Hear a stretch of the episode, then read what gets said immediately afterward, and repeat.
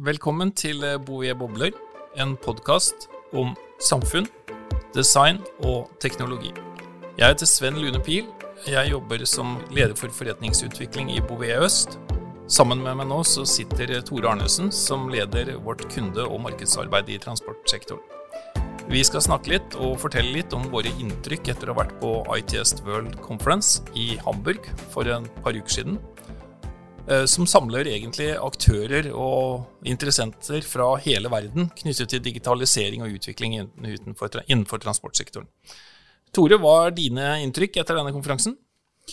Jo, hei Sven. Uh, mine inntrykk er at um, ja, jeg, jeg syns det var utrolig spennende og bra kvalitet på den ITS-konferansen, eller ITS. Og inntrykkene mine er Vel, altså, det, det, er uh, mye knytta til bærekraft. Uh, og det jeg mener jeg, vi, Det er sånn Å si at man har uh, økt modenhet rundt noe, er kanskje litt sånn feil. Men det var, det var en veldig dyp og inderlig forståelse av viktigheten av å gjøre noe innen transportsektoren knytta til bærekraft.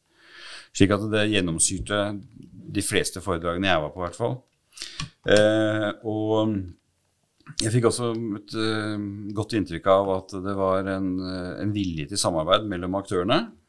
Eh, og selvfølgelig eh, med glede konstaterte jeg at det var mye bra teknologisk utvikling innenfor sektoren. Og at Norge og Bouvet er, er med. Ja, vi ble jo trukket fram i flere prosjekter.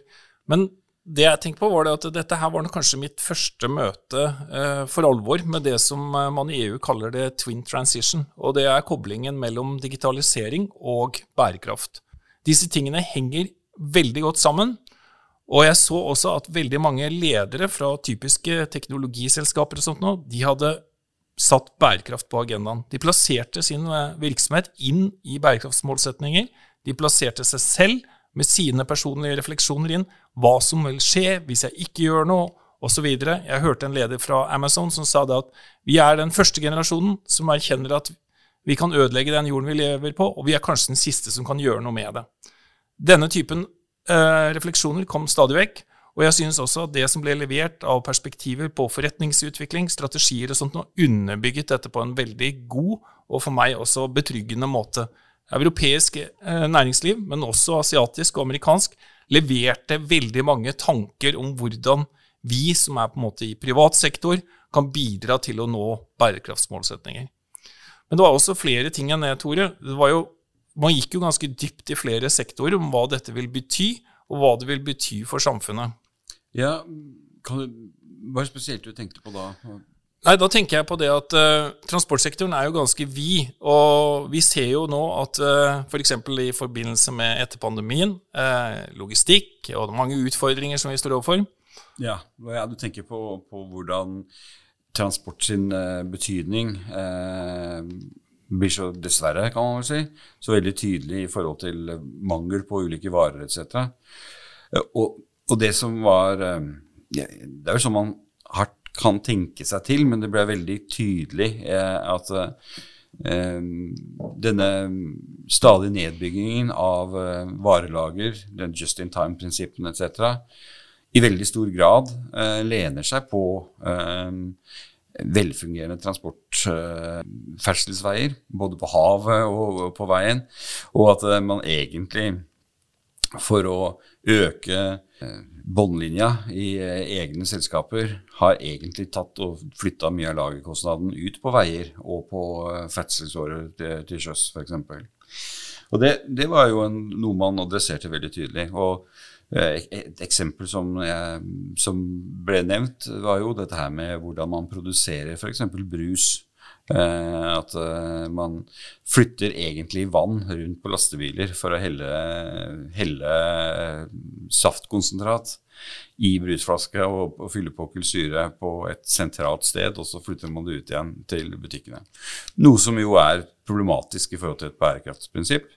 Og som egentlig misbruker eh, veiene våre, eh, mente denne aktøren. Ja, og Det er jo interessant at vi kommer inn på dette her med at uh, transportsektoren også diskuterer transport vi ikke trenger. Og I etterkant av pandemien så var det jo også en del snakk om dette her, med hva betyr det at vi alle nå er teleworking, som amerikanerne sier. Det virker som man mener at dette er kommet for å bli, at dette er også en ting som må beregnes inn i framtidige transportmodeller. At vi faktisk er mer kritiske til hva er det vi trenger transport til, og hvordan er det vi trenger det. Eh, men dette er, ikke, dette er jo ikke noe walk in the park. Eh, for å nå et bærekraftig transportsystem så ser man for seg at man er nødt til å bygge om ganske vesentlig hvordan vi håndterer mobilitet i dag. Og en av barrierene er rett og slett deling av data. Og Det var også ganske sånn, på en måte sentralt fokus. Det kom veldig tidlig inn i agendaen. er Hva er det for arbeidet som blir gjort for å skape bedre deling mellom aktørene? For det er ikke slik at eh, myndigheter uten videre deler data med private aktører, og private aktører deler kanskje ikke data seg imellom. I tillegg til så har vi problematikken rundt personvern, og hva slags eh, data vi kan eh, på en måte dele, lagre og utvinne om hvordan brukerne oppfører seg. Dette arbeidet går trolig for sent. Og EU har innsett dette, så det kommer nytt direktiv allerede i år, om, som kalles såkalt ITS-direktiv, som stiller nye krav til aktørene. Og Det virker som en ganske stor enighet om at de kravene som kommer, er at det rett og slett blir strengere krav om at man faktisk skal dele data. Så beskyttelsesgraden for private aktører og andre, den går ned. Man vil ha mer data mellom aktørene, sånn at man kan lage nye løsninger. Mm. Ja, og Det kommer også veldig tydelig fram i forhold til eh, viktigheten av offentlige aktører til å stille krav om at data skulle deles. Eh, for å lage bedre løsninger for samfunnet. Uh, så, men det er noen nyanser her som jeg syns var veldig interessante. Det, det, går rundt på dette her som du er inne på, at uh, man kanskje har vært litt for glad i regulering i EU, sånn detaljert, snarere enn å sette noen prinsipper. Uh, og at man um, i USA har gått for langt i forhold til å tilgjengeliggjøre for at det er konsumerstyrt, kall det markeds... Er, konsumerstyrt uh, hvilke data som skal deles uh, eller ikke. Slik at du får en sånn eh, kombinasjon, ikke sant? at man alle eh, hegner om sine egne data og ikke vil dele noe som helst. Både ut ifra at det er verdier, men også eh, den lovmessige, at man blir for strengt i forhold til eh, hva du kan si om mm, enkeltpersoner. Og, um, eller av hvilke data man kan avgi. Og um, jeg, det, det, var jo en, eh, det var jo mye gode diskusjoner på det her i også ulike settinger. Eh, og hvordan man Ganske konkret òg, faktisk. Hvordan man skulle gå fram. Og det syns jeg var kjempeinteressant. Jeg tror vi kan si at den dynamikken som er innenfor transportsektoren, antageligvis kommer til å utfordre noe av eh, linjene som er trukket opp innenfor personvern og bruk av offentlige skytjenester i EU. Det kan vi vel kanskje forutsi, eh, Tore? Ja, og, og, vi blir truffet av det. Vi må følge med på dette her, tenker jeg. Og, og, så det er bra at vi er på sånne fora som ITS, og sitter i ITS-samarbeid. Et annet område som tydeligvis er en eh, bekymring, eh, sett fra både bransjen og myndighetene, det er det med hastigheten i innovasjon. Eh, for det er slik at det er jo ikke bare det at man ønsker å nå bærekraftsmål, men det er også det at vi snakker om industrier og virksomheter som deltar i en svært globalisert konkurransearena. Så dette handler også om europeisk teknologiutvikling versus eh, asiatisk og amerikansk. Det store bildet som vi kjenner til fra mediene og verden for øvrig. Og der er det sånn at i hvert fall i Europa så er vel en liten bekymring om at man jobber litt for sent. Og vi så vel også eksempler på at det er andre som har stor fart på dette området, Tore. Ja, det, de har jo andre spilleregler, eh, noen av dem. Og særlig eh, han som var fra Som representerte denne, denne, denne Eh, veistrekningene som man har tilgjengeliggjort i Korea for å utvikle ulike typer teknologi, spesielt i forhold til um, tungtransport. Uh, de hadde kommet langt. altså. Det var veldig imponerende hvordan man kjørte Hva er det heter når man kjører disse lastebilene? I, det er platooning. platooning ja. og platooning-prinsippet er, eller um, konseptet er jo veldig interessant.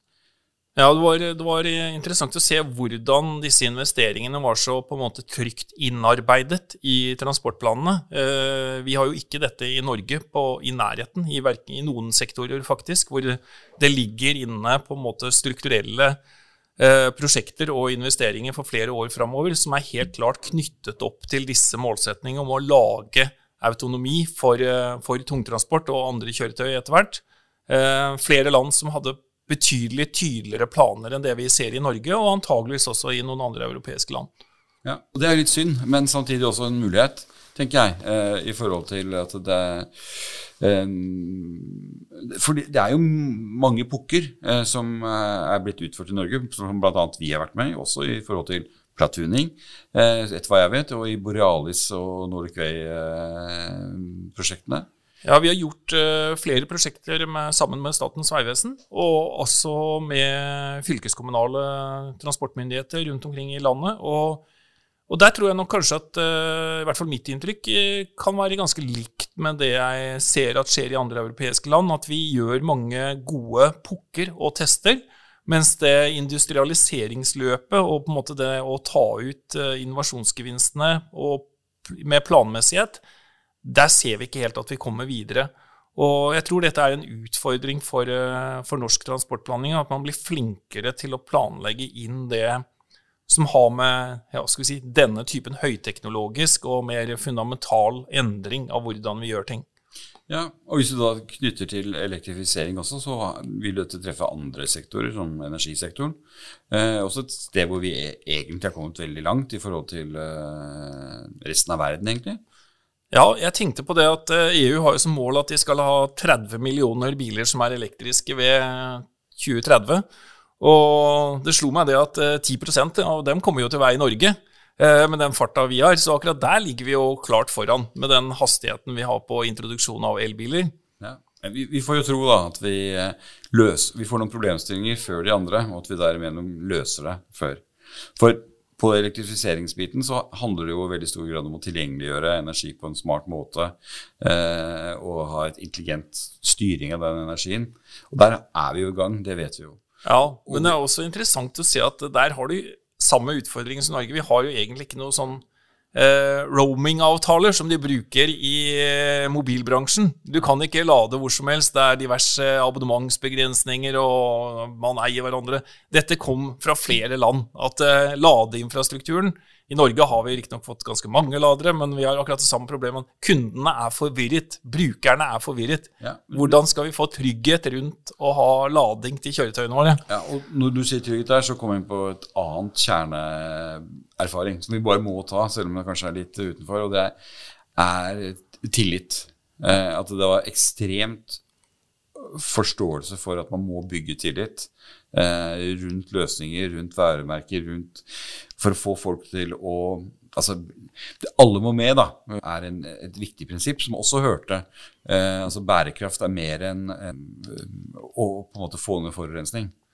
Det handler også om, eh, om eh, Hva heter det? Eh, man, ja, inkludere. Inkludere, ja, men, mm. ja, og man hadde Eh, stort fokus på den her menneske... Mm, altså design som tar hele mennesket med seg. da, altså Samfunnsnytte inn i tjenester etc. Ja, men jeg, jeg, jeg, følte jo litt på kroppen det at uh, en del av disse europeiske landene er nok mer preget av disse gule vester-demonstrasjonene som vi så for et par-tre år tilbake. Uh, og alle disse aksjonene som har kommet av høyere dieselpriser og endringer. og at dette er nok klare uttrykk for den uro som oppstår i samfunn som er i rask teknologisk og økonomisk forandring. Og at det har gjort at veldig mange er blitt mer bevisste på hvordan man utfører eh, designarbeidet for nye løsninger.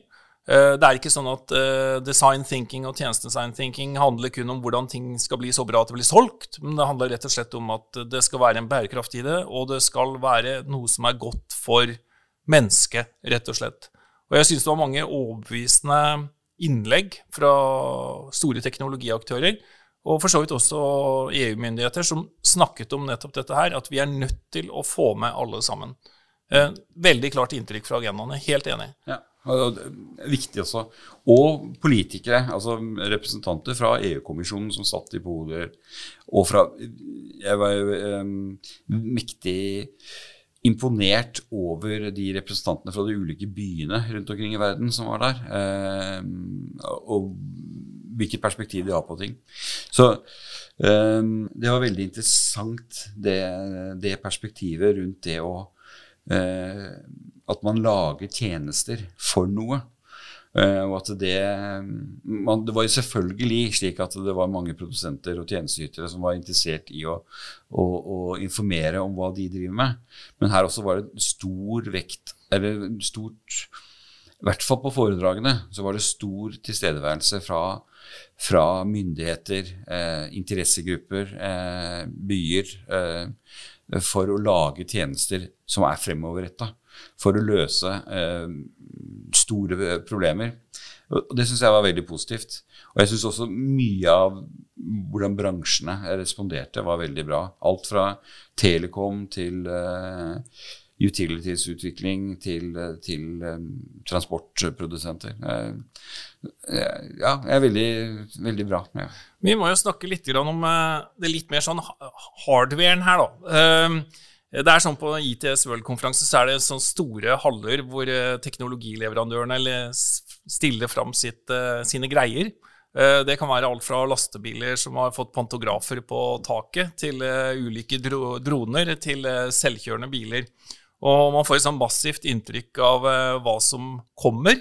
Og jeg, veldig, jeg ble veldig inspirert da jeg så en sånn derre uh, persontransportdrone som uh, minnet meg om Willy Wonkas glassheis. så tenkte jeg nå har jeg sett den, da kommer den i min levetid. og da kan vi bare forestille oss hvordan disse på en måte taxiene plutselig blir sånne glassbokser som flyr rundt i lufta mellom husene den fins. Den er faktisk allerede skapt, og den eh, var på Hamburg-konferansen. Jeg vet ikke hvordan det vil gå med reguleringen eh, for å få tillatelse til å ha passasjerer, men, men, noen har da satt sammen dette greiene allerede, og det syns jeg var gøy å se. Eh, men det er jo også et spørsmål, da, Tore, for det er jo noe vi har lurt på alle sammen. Når er det de selvkjørende bilene kommer? For det var det også mye snakk om. Ja, og um, jeg vet jo at du er en selvkjørende bilerentusiast, men uh, jeg, vi er vel enige om at det var litt skuffende akkurat på den fronten her. Sånn. For, ikke fordi at teknologien ikke gikk framover, men man har jo kanskje realisert at det er et samspill mellom infrastruktur, altså veier f.eks., men også skilter og den type ting, transportmidler, f.eks. bil, og sjåfør, for å få en slags autonome kjøretøy. Um, i, men at det er helt avhengig av å ha digitaliserte veibaner. Uh, tror jeg var, kom ganske klart fram. Slik at uh, illusjonen, eller nei, ikke illusjonen, men drømmen om å få en boks på hjul som kommer og henter deg og kjører deg på jobben, den tror jeg ikke er så levende lenger. Sånn som jeg tolker det i hvert fall. Den er vel ikke så nært forestående som kanskje Musk stadig vekk snakker om. Men det interessante her er at eh, sett i et litt mer sånn digitalt transformasjonsperspektiv, så, så, er det noe å lære ut av denne prosessen med selvkjørende biler. Eh, det startet med tanken om at vi skulle lage verdens sikreste bil. Og det var en personbil, og det var å kjøre rundt omkring som en, på måte sikker. Du skal ta bort de ulykkene som man har, på en måte sliter med fortsatt i trafikken. Eh, og da har man jo jobbet veldig mye med å på en måte luke bort menneskelige feil feil mennesker gjør når de kjører bil. Og, og, det er jo en av disse tingene som har gått litt galt, da, eh, sett ut fra et sånn kunstig intelligens-perspektiv. Det er jo rett og slett at man har jo trent seg opp på å løse de problemene mennesket skaper, men man har ikke forstått de løsningene menneskene gjør.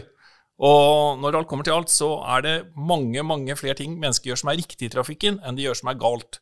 Og nå må man rett og slett finne ut hvordan AI-en skal lære å gjøre det menneskene gjør riktig, for at dette blir selvkjørende. En annen dimensjon som jeg tenker er poenget poeng her, er det at etter hvert som autonomien har utviklet seg, så har dette spredd seg ut i flere anvendelsesområder. Eh, og da er det jo sånn at det faktisk er veldig mye verdi som er skapt. Vi har jo autonomi knyttet til industriområder, vi har autonomi knyttet til varelagre og disse tingene, så det er slett ikke sånn at dette står stille. Men selve personbilen, ideen om det, den har på en måte stått litt stille. Og det har jo også, som du sier, eh, Tore, at uh, dette blir sett på mer systemisk enn det gjorde opprinnelig. Mm. Og det er også typisk for en på en måte en, en skal vi si, en destruktiv greie som er i bevegelse, er det at den på et eller annet tidspunkt må ha på en måte omgivelser som også adopterer den, og den klarer å, å akseptere den. Og det viser seg jo da å være mer komplisert med denne her selvkjørende bilen. Men jeg kommer fortsatt til å ønske meg en sånn boks som kommer og henter meg når jeg, ønsker å kjøre meg dit jeg vil. Men du har helt rett. Og, og, og, og den eh, erkjennelsen eh, som du beskriver der, skaper jo veldig mye positivt eh, rundt seg også, og er med å lage rammer som på en måte kan dra transportsektoren eh, i veldig riktig retning i forhold til den utfordringen. Den, altså den gir veldig mye nytte og veldig mye verdi til samfunnet, og mange er, eh, jobber i det. Eh, men det er jo også problemer, og anerkjennelsen av problemet er jo til stede. slik at det du peker på her, er jo en sånn en, samspill av krefter som drar ting i riktig retning, sånn som jeg ser det. Og så Jeg bare må si en uh, ting. det var Så du den der uh, autonome dronen som uh, transporterte en Europol? Ja. ja. Det var kjempeimponerende. Altså, det var noe annet enn det guttungen har å leke med. Det var um, det burde alle sett. Det var imponerende. Den kom flyvende inn på egen hånd og leverte pall. Jeg tenker at Hvis vi ser 20 eh, år frem i tid, så er det veldig mye av dette her som faktisk kommer til å være godt kommersialisert og i vel bruk rundt omkring i samfunnet. Ja. Og, ja, og som på begrensede områder også, som selvkjørende eller autonome kjøretøy, så kan også droner finne sin plass på eh, begrensede områder, tenker jeg.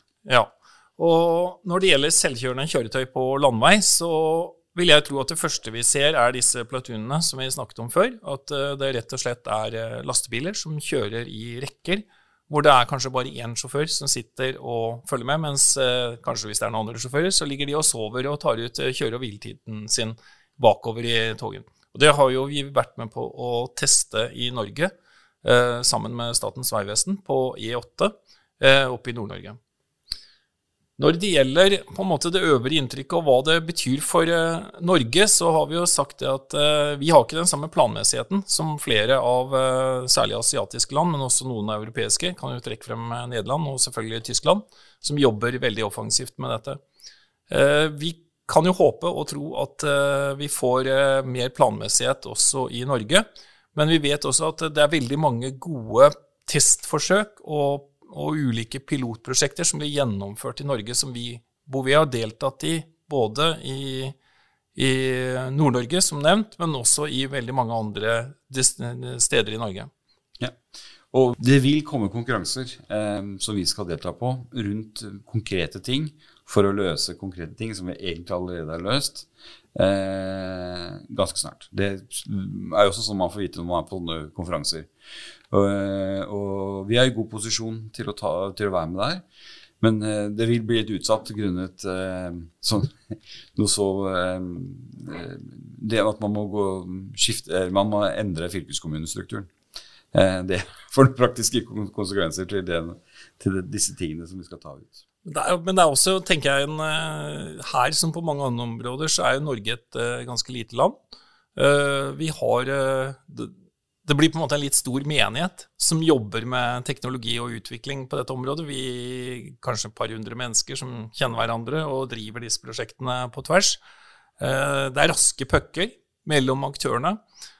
og vi har også en samarbeidskultur Eh, både mellom myndigheter og næringsliv, men også mellom eh, private bedrifter, vil jeg si.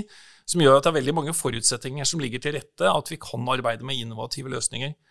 Men for at et uh, selskap som Bouvier skal uh, på en måte virkelig ta ut dette potensialet, så må vi som andre aktører også se litt på forretningsmodell og hvordan vi går inn i dette markedet. Fordi vi kan ikke forvente at noen andre skal automatisk betale regningen vår. Vi må også være med på å finne ut selv hvordan er det pengestrømmene kommer til å være. Hvordan er det tjenestene kommer til å se ut.